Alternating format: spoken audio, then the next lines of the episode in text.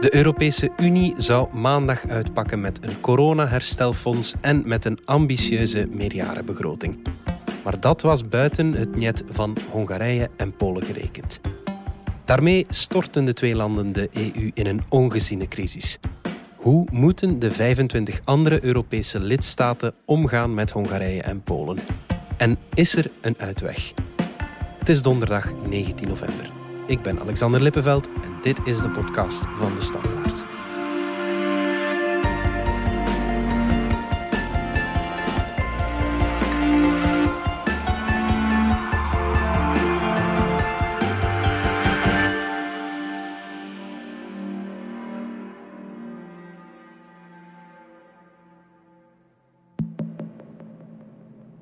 Bart Bijrland van onze buitenlandredactie.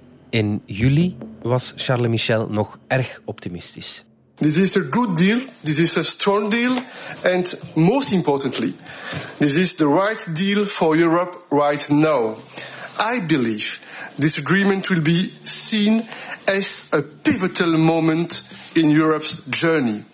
But it will also launch us into the future. In fact, it's the first time, the first time in European history that our budget will be clearly linked to our climate objectives. The first time, the first time that the respect for rule of law is a decisive criteria for budget spending.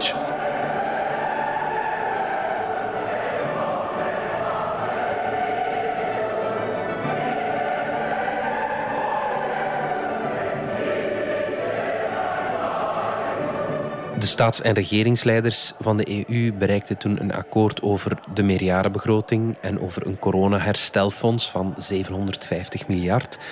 Maar maandag hebben Hongarije en Polen daar plots een veto tegen gesteld. Waarom hebben ze dat gedaan? Wel, op zich zijn die twee landen niet tegen die uh, nieuwe meerjarenbegroting. Mhm. En ook niet tegen dat herstelfonds, want daar zit heel veel geld in dat ook naar hen zal vloeien. Ja.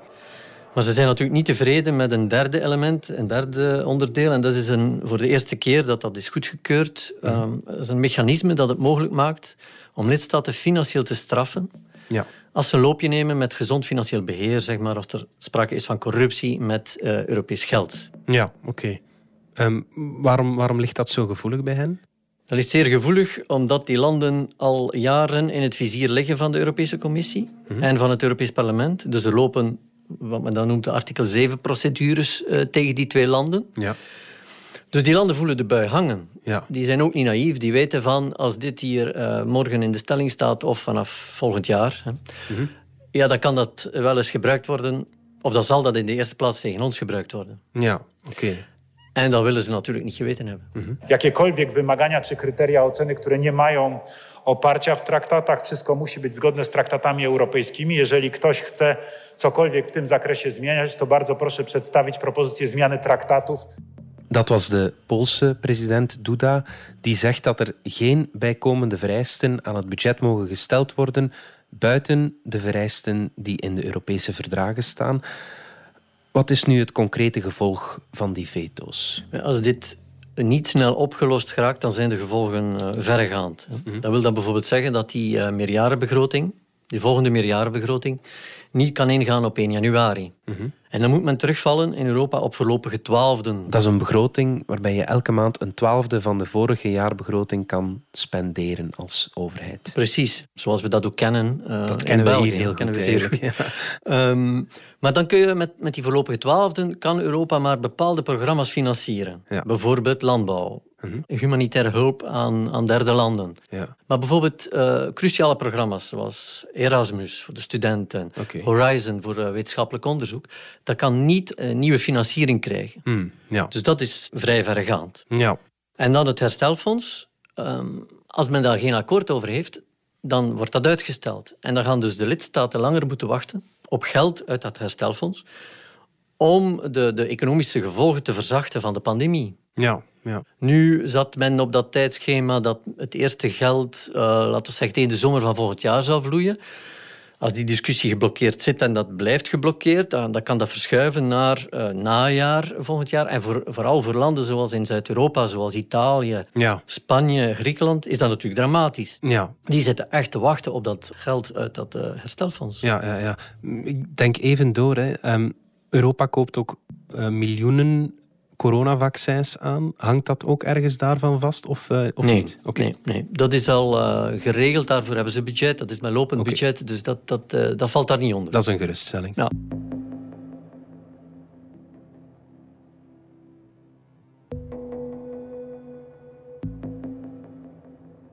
Nu, Polen en Hongarije verzetten zich. Snijden ze zich ook niet ergens in hun eigen vel? Ik veronderstel dat er toch wel wat geld naar hen ook uh, ging vloeien. En of uh, er ging zelfs heel veel geld uh, naar die twee landen vloeien. Hè. Ja. Hongarije bijvoorbeeld maakte aanspraak op 6,25 miljard uit dat herstelfonds. Okay. Die twee landen zijn ook belangrijke ontvangers van cohesiegeld. Hè. Mm -hmm. Dat geld is dus dat is Europees geld dat bedoeld is om de economische verschillen tussen de lidstaten te verkleinen. Ja. Als die natuurlijk de, de meerjarenbegroting blijven blokkeren, dan kunnen ze ook geen cohesiegeld krijgen. Als uh, het herstelfonds blijven blokkeren, dan kunnen zij ook fluiten naar die 6,25 miljard natuurlijk. En daarom hadden die andere lidstaten gedacht van het zal bluff zijn, ze gaan dat niet durven uitvoeren.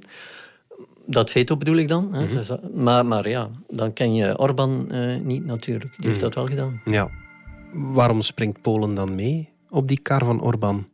Polen heeft natuurlijk hetzelfde probleem. Ook tegen Polen loopt al lang een artikel 7-procedure wegens uitholling van de rechtsstaat. Mm -hmm. um, daar zijn dus al verschillende zaken aangespannen door de commissie. Er zijn uitspraken geweest van het Europees Hof van Justitie waarin uh, Polen veroordeeld is. Hè, precies om, om, vanwege die aantasting van de scheiding der machten. Mm -hmm. uh, politieke benoemingen, noem maar op. En, en, en dus ook, ook Polen ligt in het vizier. Ja. Beide landen nemen het bijvoorbeeld niet nauw met de rechten van holibies en transgenders. Ze roepen bijvoorbeeld LGBTQ-vrije zones uit. En de commissie stelde vorige week nog een actieplan voor LGBTQ-gelijkheid voor. Too many people cannot be themselves without fear of discrimination, exclusion of or violence. There is a worrying trend in Europe of incidents such as attacks on pride marches and the adoption of the so-called LGBTIQ ideology-free zone declarations. The first ever LGBTIQ strategy presents the Commission's key actions and objectives for the next five years around four pillars. Namely, tackling discrimination against LGBTIQ people, ensuring LGBTIQ people's safety, building LGBTIQ inclusive societies, and leading the call for LGBTIQ equality around the world. Dat is een punt waarop mensenrechten in het gedrang komen. Wat zijn zo nog de moeilijke punten tussen de EU en Hongarije? Wel, er is een enorm probleem met de, de mediavrijheid in Hongarije natuurlijk. Mm -hmm. um, er is onlangs, vorige week denk ik, een geluidsfragment opgedoken waarbij de hoofdredacteur van de staatsomroep zijn personeel nog eens duidelijk maakt in de aanloop naar de Europese verkiezingen mm -hmm. Dat er campagne moet gevoerd worden tegen Brussel en tegen uh, migratie. Okay. Dat is de staatsomroep, die helemaal naar de hand uh, gevormd is nu van, van Orbán zijn partij. Maar dan heb je ook de privémedia, die eigenlijk de een na de andere zijn opgekocht door bedrijven die op een of andere manier een verband hebben of in verband staan met Orbán. Dus je kunt eigenlijk zeggen dat, dat de mediavrijheid in Hongarije dat die er niet meer is. En, en, uh, en da, op dat vlak is de toestand veel erger in, in in uh, Hongarije dan in Polen. Ja, en dat is een van de grote basiswaarden van de Europese Unie. Precies, natuurlijk. dus ja. alles waar het hier om gaat, dat gaat dus om die basiswaarden waarvoor de Europese Unie beweert te staan. Namelijk de ja. rechtsstaat, respect voor de mensenrechten, Mhm. mediavrijheid, noem maar op. Ja. En als men natuurlijk corruptie wil aanklagen, hoe, hoe uh, klaag je corruptie aan? Vaak vertrekt dat vanuit de media. Ja. En hoe kun je verantwoordelijken voor corruptie uh, voor de rechter brengen of veroordelen? Dat, dat veronderstelt een onafhankelijke justitie. Ja. Dus als je die twee elementen wegneemt, Mhm. dan vergroot natuurlijk de kans dat er effectief corruptie is met Europees geld. En er is bijvoorbeeld, in het geval van Hongarije, is bekend dat, dat familieleden van uh, Orbán Mhm. Subsidies hebben gekregen om bijvoorbeeld de vader van Orbán voert wegenwerken uit. Oké. En er zijn dan in, in sommige media geruchten opgedoken dat hij eh, wel zeer goed betaald is voor die wegenwerken. Ja, ja, ja. Eh, de broer van Orbán heeft een, een ICT-bedrijf, heeft ook al eh, opdrachten binnengehaald met Europees geld. Hmm. Het, het is dat soort misstanden die, die moeten verholpen worden met, met dit mechanisme. ja oké. We don't talk about what is the, the biggest threat for the moment in Europe that is undermining the values and the principles of the European Union. And, and nobody does it. Well, we will do it. It's enough now. We have enough seen the push of nationalist, populist, illiberal, authoritarian people in Europe saying, okay, we are the new face of, of Europe. We have to stop them. And the only way to stop them is to fight against them. Dat was Guy Verhofstadt, Europees parlementslid, die een aantal jaar geleden acties aankondigde tegen de bedreiging van de Europese waarden. Je hebt het al een aantal keer aangehaald, Bart. Er loopt een zogenaamde artikel 7-procedure tegen Polen en Hongarije. Wat houdt dat juist in? Men noemt dat dus de atoombomprocedure. Dat is dus voorzien in, in het verdrag. En dat wil zeggen dat men een lidstaat kan straffen door het stemrecht in de Raad tijdelijk op te heffen, op te schorten, als er een fundamentele eh, schendingen zijn van de rechtsstaat. Ja, oké. Het probleem is met die atoombom. Een atoombom is eigenlijk niet gemaakt om gebruikt te worden. Nee, En, eh, het, het moet een dreigement blijven. ja, en ook bovendien, eh, het kan alleen ingezet worden als al de andere lidstaten daarmee akkoord gaan. Ja, ja, ja. En Hongarije en Polen houden elkaar natuurlijk de hand boven het hoofd. En als, dat, eh, als er moet gestemd worden, dan verzet Polen zich bijvoorbeeld als, als Hongarije in het vizier ligt. En omgekeerd beschermt Hongarije Polen als Polen in het vizier komt. ja. Dus het is, het is een, een wapen dat je niet kunt gebruiken. En daarom heeft men dus gezocht naar een alternatief. En dat alternatief is precies dat sanctiemechanisme. Ja, waarvoor er geen unanimiteit nodig is. Waarvoor er geen unanimiteit nodig was. hè, Gekwalificeerde meerderheid. Dus Polen en Hongarije konden dat niet tegenhouden. Maar nu proberen ze dit af te zwakken, minder efficiënt te maken, door precies dat dreigement eh, met hun veto tegen de meerjarenbegroting en het herstelfonds. Ja. Dus het is echt hoog spel dat ze spelen. Ja, absoluut. Mark Rutte, de Nederlandse minister-president, zei dinsdag in de Tweede Kamer dat een herstelfonds met de 25 andere lidstaten een optie is, maar dat die allesbehalve eenvoudig uit te werken is. En als ze niet meewerken, dan kom je bij meer nucleaire varianten, zoals de heer Omtzigt die hier neerlegt. Maar het is wel een nucleaire variant. Eh, want waarom is hij nucleair? Omdat hij niet alleen raakt aan het herstelfonds, maar ook aan de meerjarenbegroting. Eh, en eh, zou je met z'n 25 een meerjarenbegroting moeten vaststellen zonder Hongarije en Polen, eh, dan heb je het probleem dat je in feite op dat moment een intergouvernementele unie hebt. Zonder commissie, zonder parlement.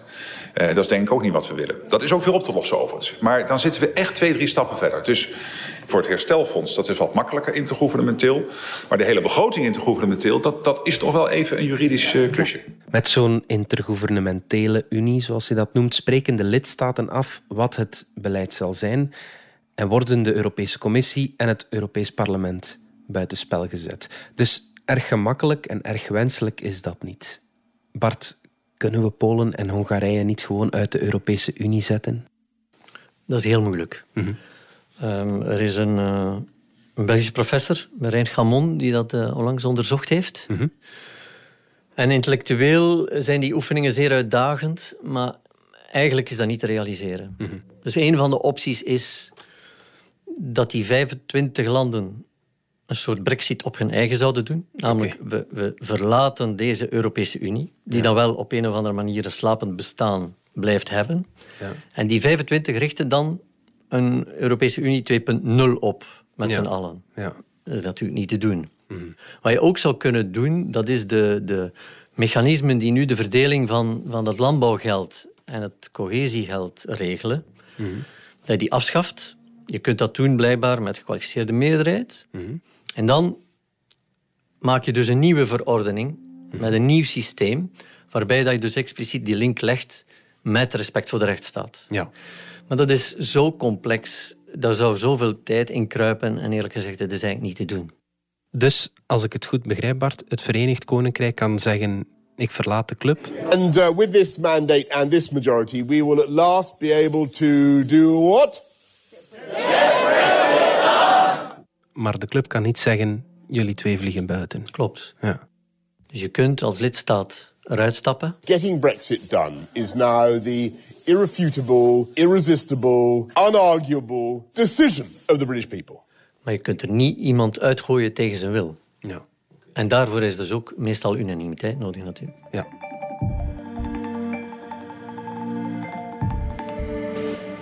En misschien moeten we dat ook niet willen. Eh, Europa wil graag de waarde van de democratie en van de mensenrechten uitdragen. Als je dan die tientallen miljoenen inwoners van die landen in de steek laat, Precies. hè. dan ga je wat tegen je eigen Vergeet dus ook niet, eh, er is 55% van de bevolking stemt voor Orbán, bij- of, of iets meer.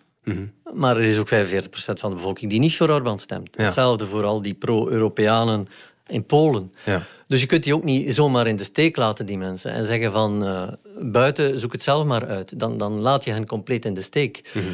Ja, het idee van een Europa op twee snelheden, dat komt dan vaak de kop opsteken. Wat houdt dat juist in? En, en Wel, is dat, dat, houdt in dat een deel verder gaat dan een ander deel. En eigenlijk dat, die laatste optie van eh, die, dat, dat je een, een nieuwe regels zou opstellen voor, die land, voor dat landbouwgeld Mhm. en voor die cohesiefonds, dat is een vorm van versterkte samenwerking. Zo zou je dat kunnen noemen. Ja, Maar goed, dat is, dat is, eh, in deze is dat zo fundamenteel, omdat je dan eigenlijk ook twee, twee lidstaten buitenspel zet. Mhm. Als je ook die twee landen eruit gooit, vergeet ook niet, wie doe je dan een cadeau? Ik denk dat Vladimir Poetin in, in Moskou zich Ja. al in de handen wrijft, dat hij daar kan beginnen stoken. ja. En dan Ah, komt zijn grens eh, met de EU weer wat dichter. À la natuurlijk. limiet, eh, dan misschien nog niet onmiddellijk, maar, maar, maar, maar hij kan daar eh, ook stoken. Zijn invloedssfeer zijn invloedssfeer ja. eh, proberen te verhogen, want hij is bijvoorbeeld eh, via investeringen en noem maar op. Dus dat is een zeer riskante oefening. Mhm. Hoe kunnen Polen en Hongarije in de toekomst nog een plaats hebben in de EU? De vraag is hoe raken we hieruit natuurlijk. Hè. Er moet nu naar een oplossing gezocht worden. Het zal helemaal niet makkelijk zijn, want de, de Polen en de Hongaren eisen dus dat dat mechanisme afgezwakt wordt. Andere lidstaten willen daar niet van weten. Het Europees Parlement wil daar ook niet van weten. Dus eerlijk gezegd, hoe ze die oplossing gaan vinden, eh, het is mij een raadsel. Maar goed, eh, onderschat ook nooit de, de Europese diplomatie. Ze zijn zeer creatief. Ze vinden in de verdragen altijd wel iets misschien, een uitweg. Ja. Maar toch, het, het is een, een serieuze crisis, denk ik. Eh, En het, vooral, het tast nog eens heel fundamenteel dat vertrouwen aan tussen die lidstaten. Ja. Heel vaak moet Angela Merkel alles oplossen. Zal dat nu ook het geval zijn? Wel, vanavond is er een, eh, een Europese top, virtueel, die eigenlijk gewijd was aan de bestrijding en de coördinatie van de pandemie. Ja. Het is bijna onvermijdelijk dat dus die kwestie eh, op het bord weer zal belanden van die leiders. ja. Eh, of ze er gaan uitraken, dat is, dat is zeer de vraag. Er wordt ook achter de schermen enorm veel getelefoneerd. Dat was vorige week al zo. Eh, en het is vorige week tot een scheldpartij gekomen, blijkbaar, tussen Angela Merkel en Viktor Orbán. Oké. Merkel had hem laten verstaan van kijk jongen, dit is ongehoord. Orbán eh, was natuurlijk eh, niet onder de indruk en heeft eh, gedreigd met dat veto, wat hij dan ook gedaan heeft. Ook Charles Michel heeft al getelefoneerd met Orbán om te proberen, om te kijken wat is er mogelijk. Ja. Maar voorlopig houdt hij het been stijf. Veel masseerwerk zal er nog Heel veel zijn. masseerwerk, ja. Ja, ja, ja, ja. Goed. Bart Beierland, dankjewel. Dit was de podcast van De Standaard. Bedankt voor het luisteren. Reageren kan via podcast.standaard.be. Alle credits vind je op standaard.be-podcast. Morgen zijn we opnieuw.